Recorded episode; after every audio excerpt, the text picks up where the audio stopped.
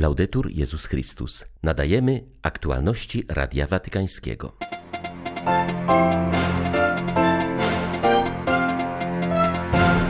Braterstwo nie jest oderwane od wiary i teologii, przypomina papież Franciszek. Jego zdaniem społeczne nauczanie Kościoła jest głęboko zakorzenione w Bożej miłości do ludzkości. W Watykanie trwają obrady papieskiej Akademii Życia dotyczą służby zdrowia w czasach pandemii.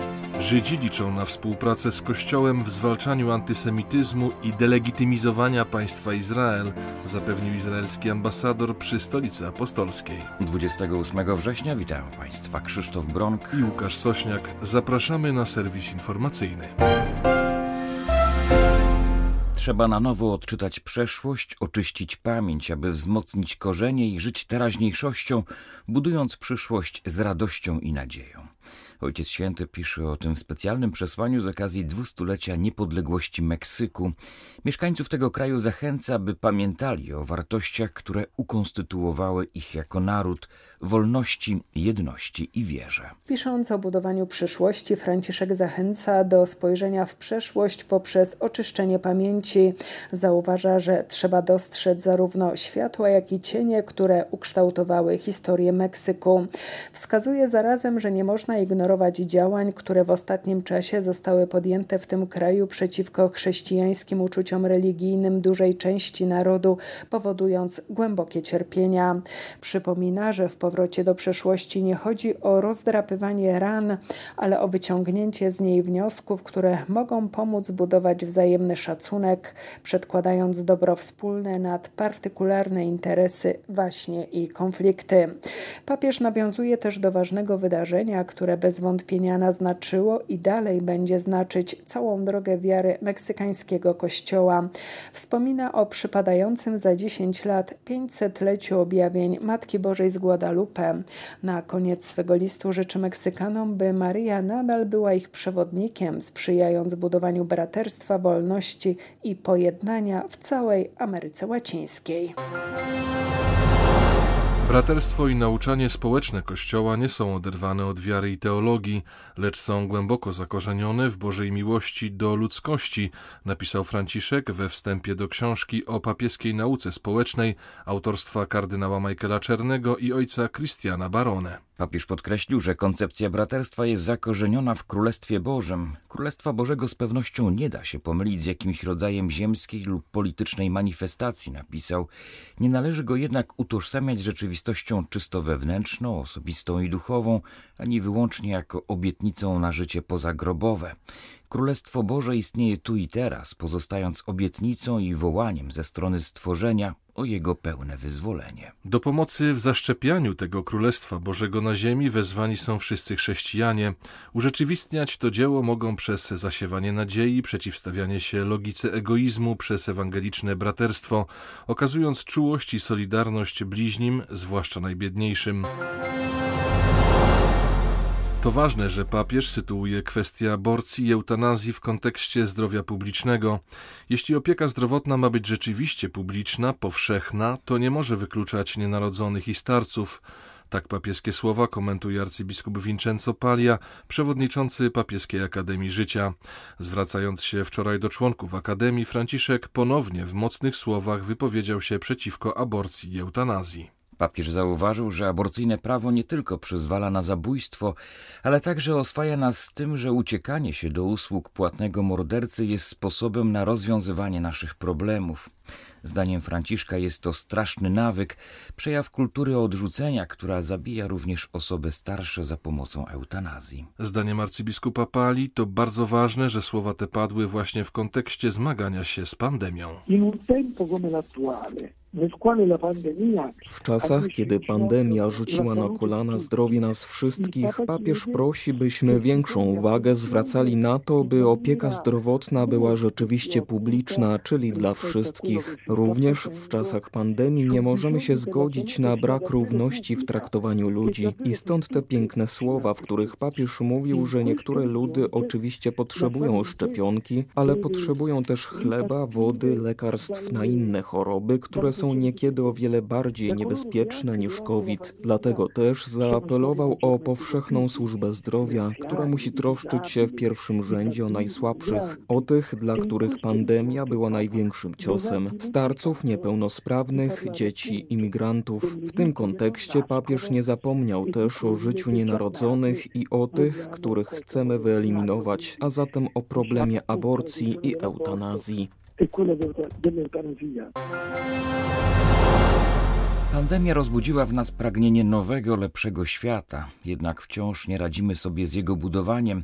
Wskazuje na to francuska teolog profesor Anne-Marie Pelletier, która uczestniczy w Watykanie sesji plenarnej Papieskiej Akademii Życia. Podkreśla, że jednym ze współczesnych wyzwań jest różnorodność, która nie może oznaczać anulowania istniejących różnic i wartości, w które wierzymy. Profesor Pelletier jest osobą świecką, żoną, matką i babcią. Uchodzi zarazem za jednego z czołowych teologów we Francji. Jest laureatką Nagrody Ratzingera oraz na prośbę papieża Franciszka autorką jednego z rozważań Drogi Krzyżowej w Koloseum. Odnosząc się do prac Papieskiej Akademii Życia, profesor Pelletier podkreśla, że bardzo pilnym wyzwaniem pozostaje dziś stawienie czoła złożoności problemów bioetycznych. Kontekście pandemii zauważa, że braterstwo i solidarność, o których tak wiele się mówi, muszą zostać ucieleśnione poprzez konkretne gesty i działania polityków i odpowiedzialnych za poszczególne społeczności. Trzeba kreatywnych, ale i konkretnych działań, które pozwolą nam obalać istniejące niesprawiedliwości i nierówności, mówi w rozmowie z Radiem Watykańskim profesor Pelletier. Pandemia pozwoliła nam doświadczyć solidarności na płaszczyźnie międzynarodowej w sposób naprawdę wyjątkowy. Zareagowaliśmy solidarnie na wyzwanie, które dotknęło całą planetę, ponieważ naukowcy z wszystkich krajów zjednoczyli siły, by odpowiedzieć na tę chorobę. Niestety wraz z upływem czasu dostrzegamy coraz więcej nierówności między państwami i kontynentami w walce z pandemią. Zostawiliśmy za sobą świat, który nas już nie satysfakcjonował, ale budowanie lepszego nie wychodzi nam najlepiej. Jest to ogromne wyzwanie. Nasze dzisiejsze realia to świat pełen konfliktów, rywalizacji, nacisków ideologicznych, nowych murów. Myślę, że jest to dla człowieka straszliwsza choroba niż sam COVID-19. Chrześcijanie mają ogromną rolę do odegrania w budowaniu nowego, lepszego świata, oczywiście wspólnie z innymi ludźmi. Ta wspólnota ludzka, o której tak wiele mówi Franciszek, musi być budowana na bazie głębokiej solidarności, której wszyscy potrzebujemy. Justement de la solidarité profonde qui nous lie les uns aux autres. Papież weźmie udział w ceremonii zakończenia spotkania na rzecz pokoju organizowanego przez rzymską wspólnotę świętego Idziego. To wspaniała wiadomość. Franciszek był liderem świata w czasie pandemii. Encyklika Fratelli Tutti w epoce, w której nie ma przełomowych tekstów, jest wielkim duchowym przewodnikiem, także dla przywódców politycznych, zauważył przewodniczący wspólnoty Marco Impaliazzo w reakcji na informacje Watykańskiego Biura Prasowego. Spotkania na rzecz pokoju Wspólnota Świętego Idziego organizuje cyklicznie od końca lat 80. na wzór spotkań przedstawicieli różnych religii zainicjowanych przez Jana Pawła II. Tegoroczne będzie miało miejsce w Rzymie. Uroczystość, w której weźmie udział papież, odbędzie się na placu przed Koloseum.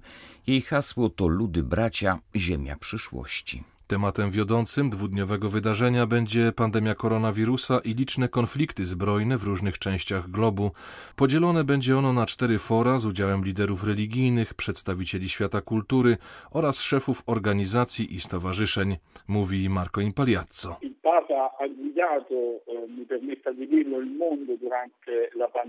Papież poprowadził świat w czasie pandemii, dlatego przewodnikiem dla nas będzie jego słynne przemówienie wygłoszone na pustym placu Świętego Piotra 27 marca ubiegłego roku. Spotkanie będzie refleksją nad wspólnym braterstwem, nad tym, jak pracować na rzecz Ziemi, by pozostawić naszym dzieciom zdrowszą planetę. Franciszek pokazał nam, że nie wygramy z kryzysem podzieleni, że potrzebujemy siebie nawzajem. Jedyną odpowiedzią jest kroczenie razem i budowanie fundamentów powszechnego braterstwa, myśląc przede wszystkim o narodach i ludziach, którzy znajdują się w najtrudniejszej sytuacji, zmarginalizowanych i odrzuconych. Staramy się zmotywować przedstawicieli religii do budowania projektu powszechnego braterstwa. To pomoże zatrzymać spiralę przemocy, wojen i terroryzmu na świecie, ponieważ wciąż giną tysiące ludzi. Religie, które w pewnym sensie stają się siostrami, mogą także wnieść wielki wkład w troskę o środowisko.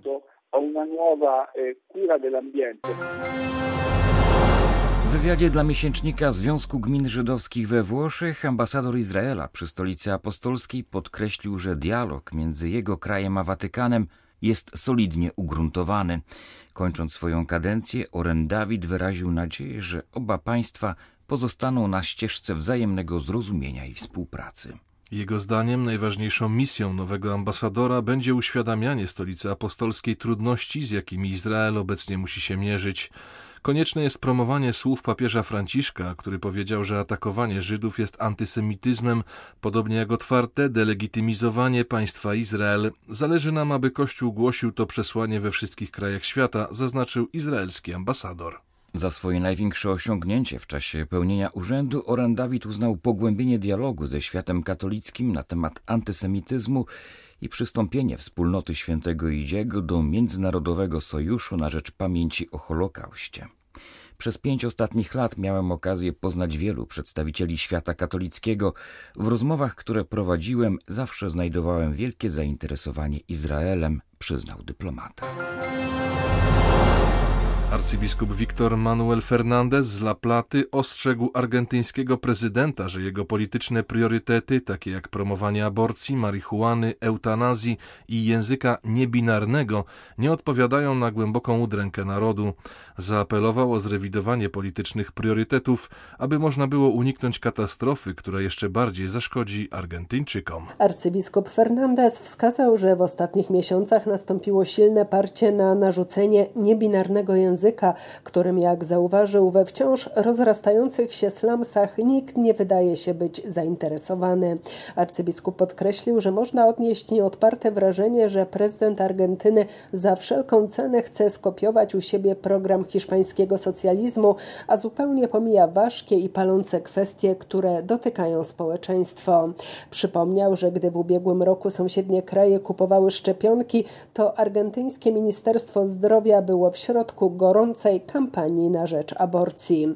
Wskazał, że w tym samym czasie władze zupełnie pomijały potrzeby kobiet żyjących w rozbitych rodzinach, matek wychowujących niepełnosprawne dzieci czy rodzin walczących o to, by związać koniec z końcem. Hierarcha przypomniał też o galopującej inflacji i ogromnym pogłębieniu ubóstwa, które zdają się zupełnie nie martwić prezydenta Argentyny. Arcybiskup Fernandez wyraził nadzieję, że z miłości narodu prezydent będzie w stanie zrewidować swą politykę. Jest to już ostatnia szansa, by uniknąć katastrofy. Przed Radą Plenarną Kościoła w Australii przewodniczący episkopatu wyraził poparcie dla przełomowego dokumentu wzywającego do zapisania w Konstytucji praw obywatelskich dla rdzennej ludności tego kraju.